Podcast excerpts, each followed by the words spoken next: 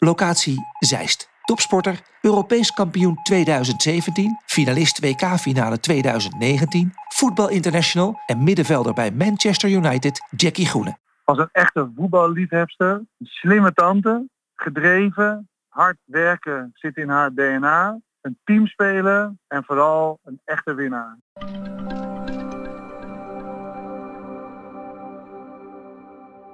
Ze heeft het gigantisch druk in aanloop naar het EK in Engeland, waar ze hun titel zullen verdedigen. En sinds die EK-titel in 2017 in eigen land is er heel veel veranderd in het vrouwenvoetbal. Jackie, slash Jackie, haar carrière neemt een vlucht. Haar vader en uiteraard haar moeder blijven haar op de voet volgen, maar hebben de steeds complexere begeleiding van hun dochter overgelaten aan zaakwaarnemer Guido Albers. En hij regelde onder andere haar huidige contract bij Manchester United. Topsporters. Ze wikken en wegen, ze balanceren en maken keuzes, maar welke en wanneer? Dit is de Topsport Community Podcast. Accept, adapt en move on. Met Marie-Carmen Oudendijk.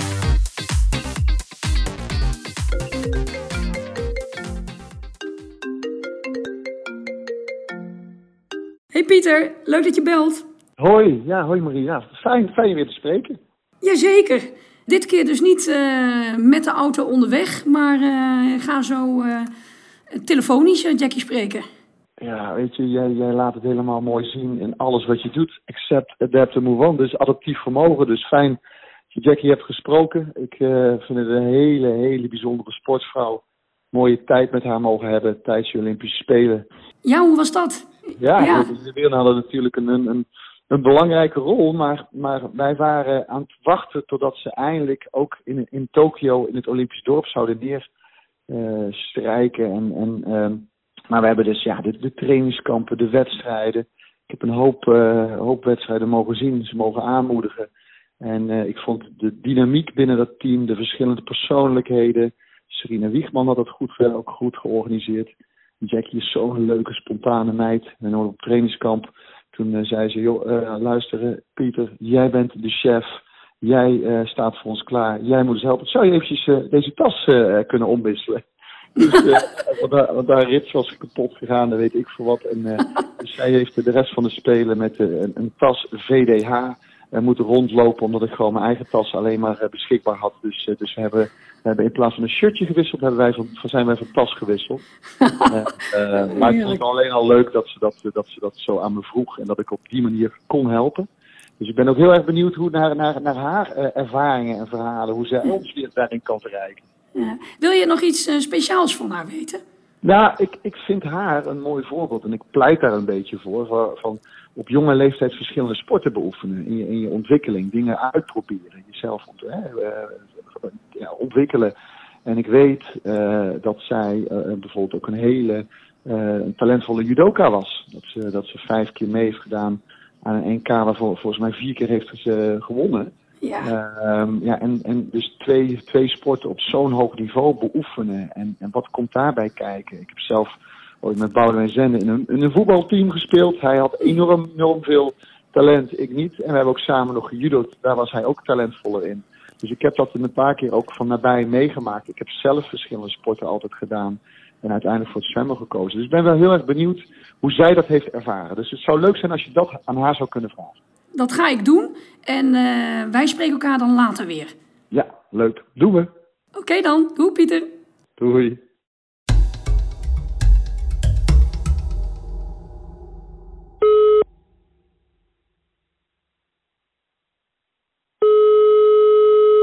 Jackie, hoi. Hi. In volle, hoi, hoi. Ja, in volle voorbereiding ben je op het EK in Engeland. Er is inmiddels een mediastop, maar gelukkig hebben wij onze uh, telefonische podcast afspraak staan. Uh, ik wil jou vragen, uh, waar ben jij nu? Waar tref ik jou nu? In Zeist? Ja, ik, ik zit op het moment in Zeist, um, vlak voor het VMC, ons sportmedisch centrum, waar we waar ik straks nog wat uh, testjes en onderzoeken moet doen. En dan ga ik meteen door uh, naar uh, trainingskamp, het volgende kamp. En dan zitten wij hier in Zeist en gaan we ons voorbereiden op het. Ja, en wat ik nou zo grappig vind, jij speelt op dit moment bij Manchester United. Dus je vliegt vanuit Engeland nu terug naar Nederland. Je bent alleen maar in Seis ja. voorbereiden. Om vervolgens weer naar Engeland te gaan. Ja, zelfs uh, naar Manchester ook. Dus ik, ik kom uit Manchester en we vliegen woensdag al terug naar Manchester. Spelen we daar zelfs nog een oefenwedstrijd bij huis. En dan vlieg ik weer terug naar Nederland. En doen we hier nog een stuk voorbereiding. En dan vlieg ik weer terug naar Manchester en dan begint daar het EK. Dus dat is echt uh, een beetje op en neer vliegen tussen mijn twee uh, thuis. Ja, ja wat, wat, apart eigenlijk. Hè? Maar jij, jij kent de clubs, de stadions. je hebt zelfs een, een, een, eigenlijk een Engelse bondscoach nu. De oud-bondscoach zit daar. Is dat een extra iets voor jou? Wat, wat, wat doet dat? Dat je dat allemaal kent, een beetje weet waar je naartoe gaat? Ja, een beetje wel moet ik zeggen. Ik vind het wel heel erg, heel erg bijzonder, omdat we hebben natuurlijk het vorige EK in Nederland gespeeld. Dus dat, een, ja, dat was natuurlijk een thuis-EK. En nu ken ik eigenlijk alle plekken waar we naartoe gaan. Dus dat voelt ook een beetje als een soort thuis-EK. Dus ik heb eigenlijk twee keer... Um, het voelt een beetje alsof ik twee keer in mijn eigen land een EK heb mogen spelen. Dus dat is wel heel erg bijzonder. Ja, dat zie je. En um, ja. ja. ik heb er wel heel veel zin in. Ik heb heel veel zin om uh, in wedstrijd spelen we zelfs in het stadion waar wij met Manchester United uh, vrouwen ook voetballen. Um, dus ja, het is echt een beetje vertrouwde omgeving.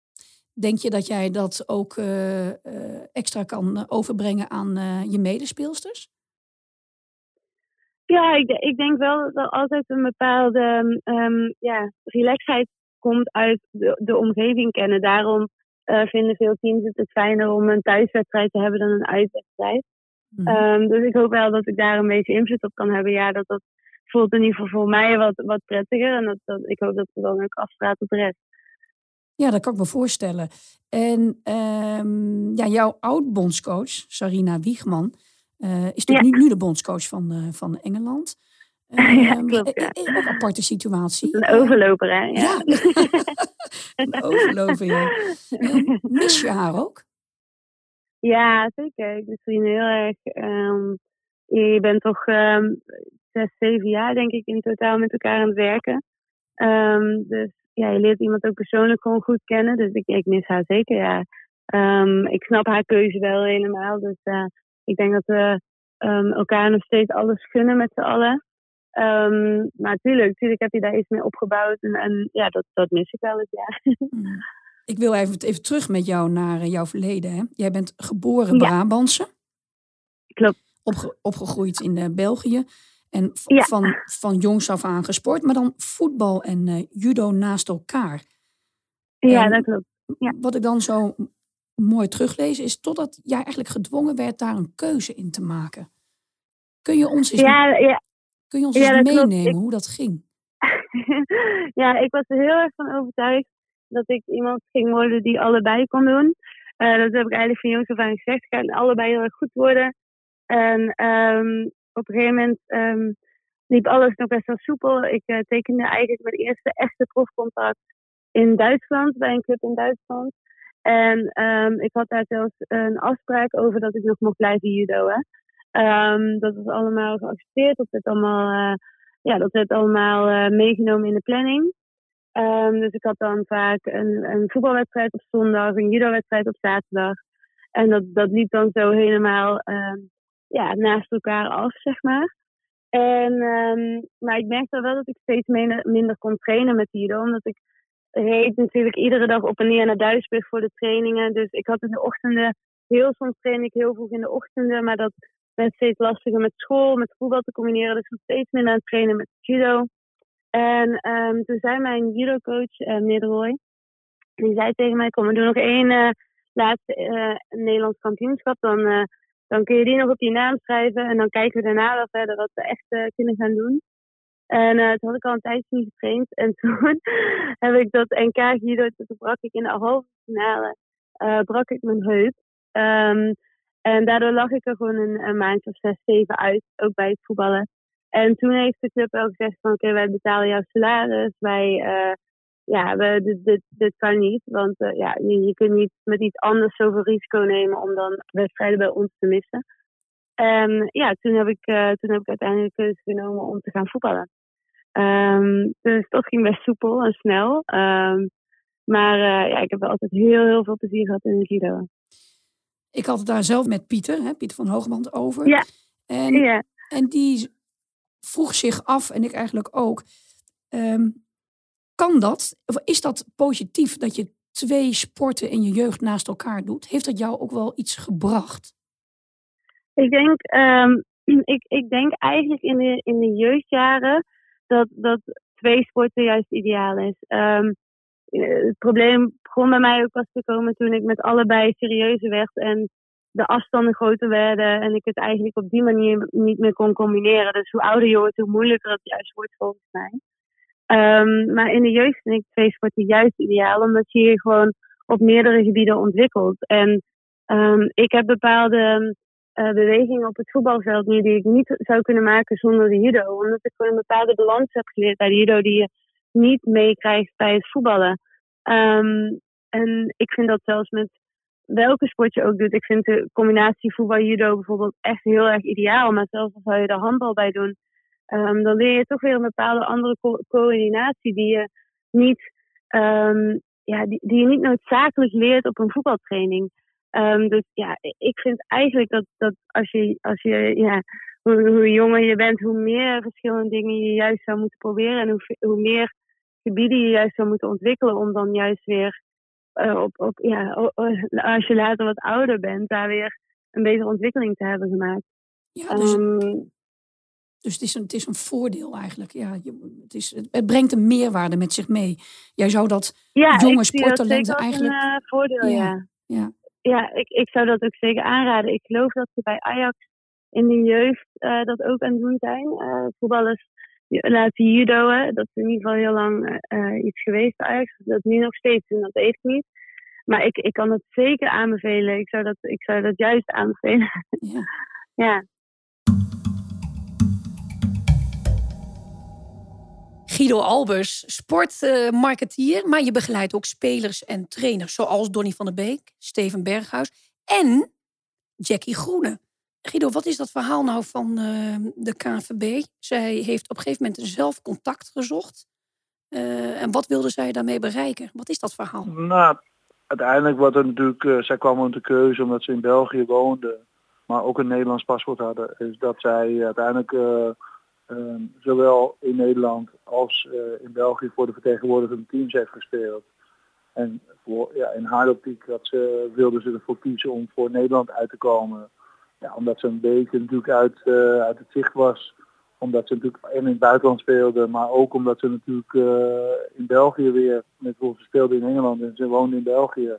Dus ja, er was niet zo heel, uh, niet meteen een connectie daar. En toen heeft ze zelf een contact opgenomen van ja, ik wil graag voor Nederland uitkomen. Nou, en de rest is history. Iets anders wat eigenlijk bij jou ook wel opvalt, is dat jij uh, uh, ja, bij veel in het buitenland eigenlijk, eigenlijk alleen maar hè, op uh, actief niveau in Ja. Essen, Duitsland, eh, bij Chelsea Ja. nog, eh, Frankfurt, Manchester United Ja. nu.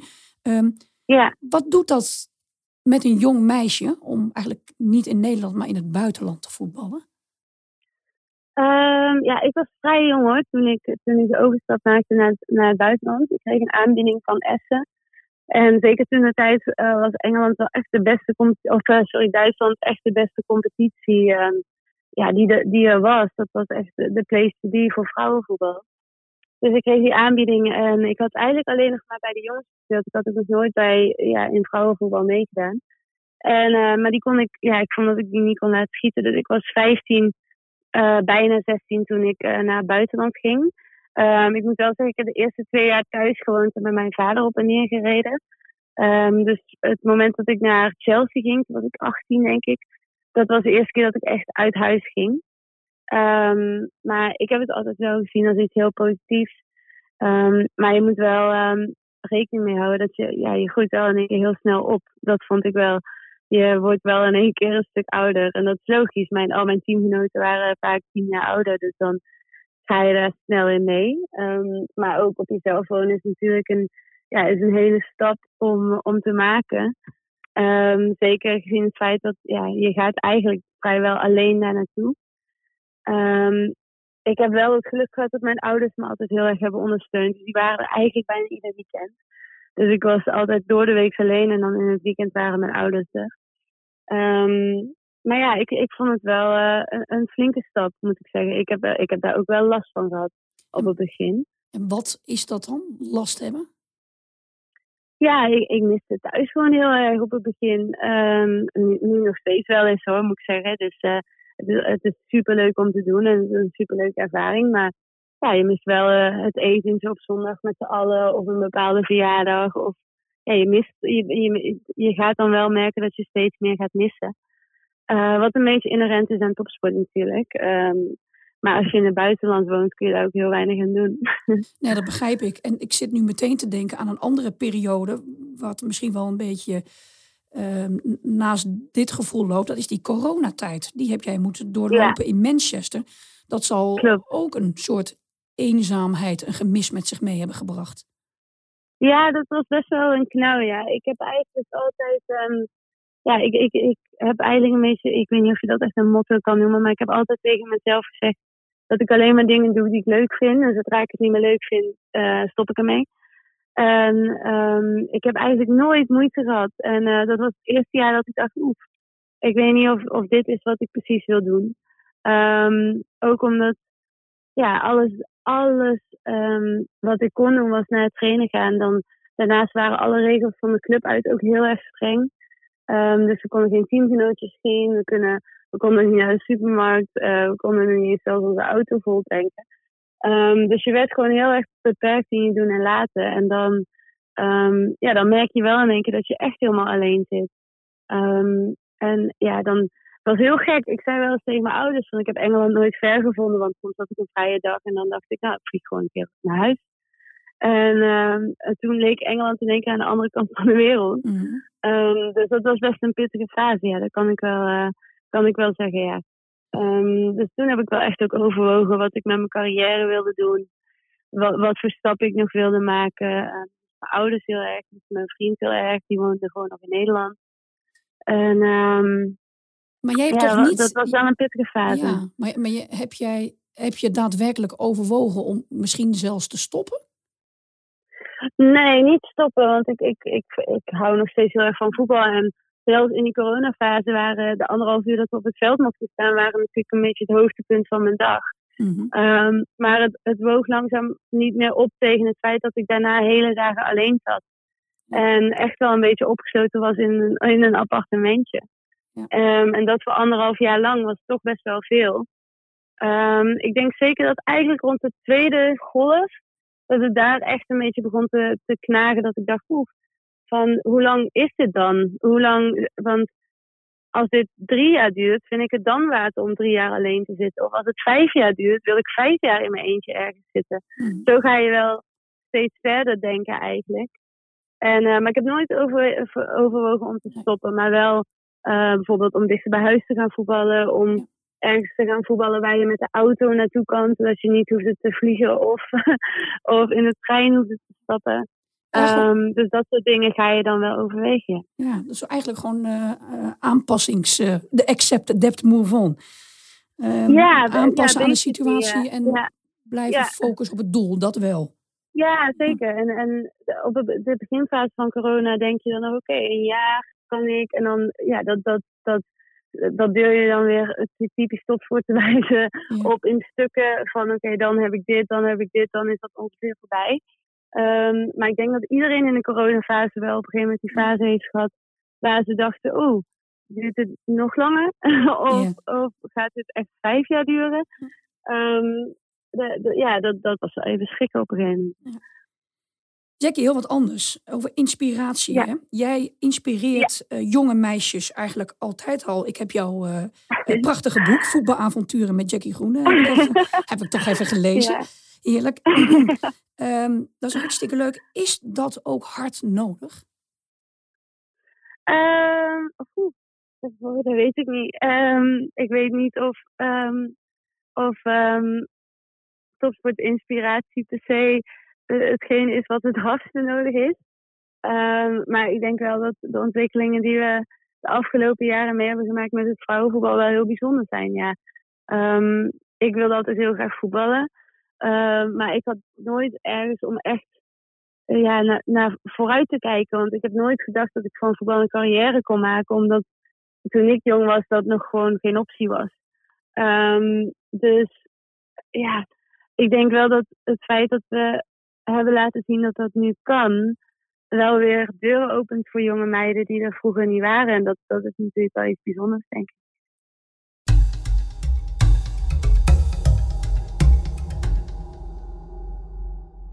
De stadions zijn steeds voller geraakt. Dus er is steeds meer belangstelling voor gekomen. Uh, het aantal clubs en de aantal teams zijn natuurlijk ook gewoon uh, doorgegroeid. Nou, het ledenaantal durf ik niet exact te zeggen. Maar ook dat heeft enorme boost gemaakt. Dus ja, uiteindelijk gaat zich dat door middel van uh, de aanwas, gaat zich dat straks ook uitbetalen in, in nog betere teams en betere speelsters. Ja, dat is ook een logisch gevolg daarvan. Maar welke termijn dat dan exact is, ja, dat durf ik niet zo te zeggen. Maar ja, dat daar natuurlijk een positieve uh, wending aan gaat komen, ja, dat kan niet anders met het aanbod wat er nu bij is gekomen. En ja, ik denk dat je dat natuurlijk nog vergelijkt met Amerika, loop je daar natuurlijk nog uh, ver achter. En het is ook niet voor dat zij wereldkampioen zijn. Maar in Nederland heeft u gewoon echt hele mooie stappen gemaakt in de ontwikkeling van het vrouwenvoetbal. Dus ja, en nu met de Eredivisie die uh, zeg maar ook blijft groeien, ja, wordt het natuurlijk alleen nog maar beter en wordt het platform ook gewoon beter. Dus ja, dat gaat natuurlijk uh, uiteindelijk ook voor het Nederlands zelf wel uh, heel veel brengen.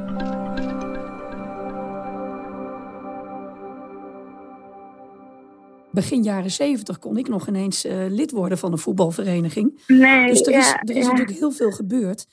En jij, Ja. en jij had net zelf al van. uh, nou, jullie natuurlijk zijn titelverdediger. En uh, jullie hebben toen in eigen land hebben jullie ongelooflijk veel uh, deuren geopend. Zie jij het verschil tussen voor dat gewonnen EK van jullie en daarna? Oh ja, zeker. Dat is niet. Ja, dat is eigenlijk niet meer met elkaar te vergelijken, vind ik. Mhm. Um, het, ja, je ziet het aan hoe we de stadions uit kunnen verkopen nu.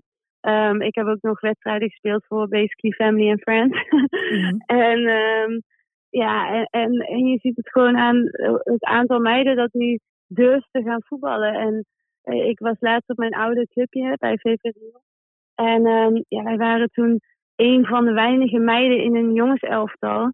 En dat was het wel een beetje. En nu, ja, nu, nu is, lijkt het bijna op mixvoetbal tegenwoordig. Zo, zoveel meiden zijn er die, die, die voetballen en, uh, en die ook een eigen meidenteam spelen.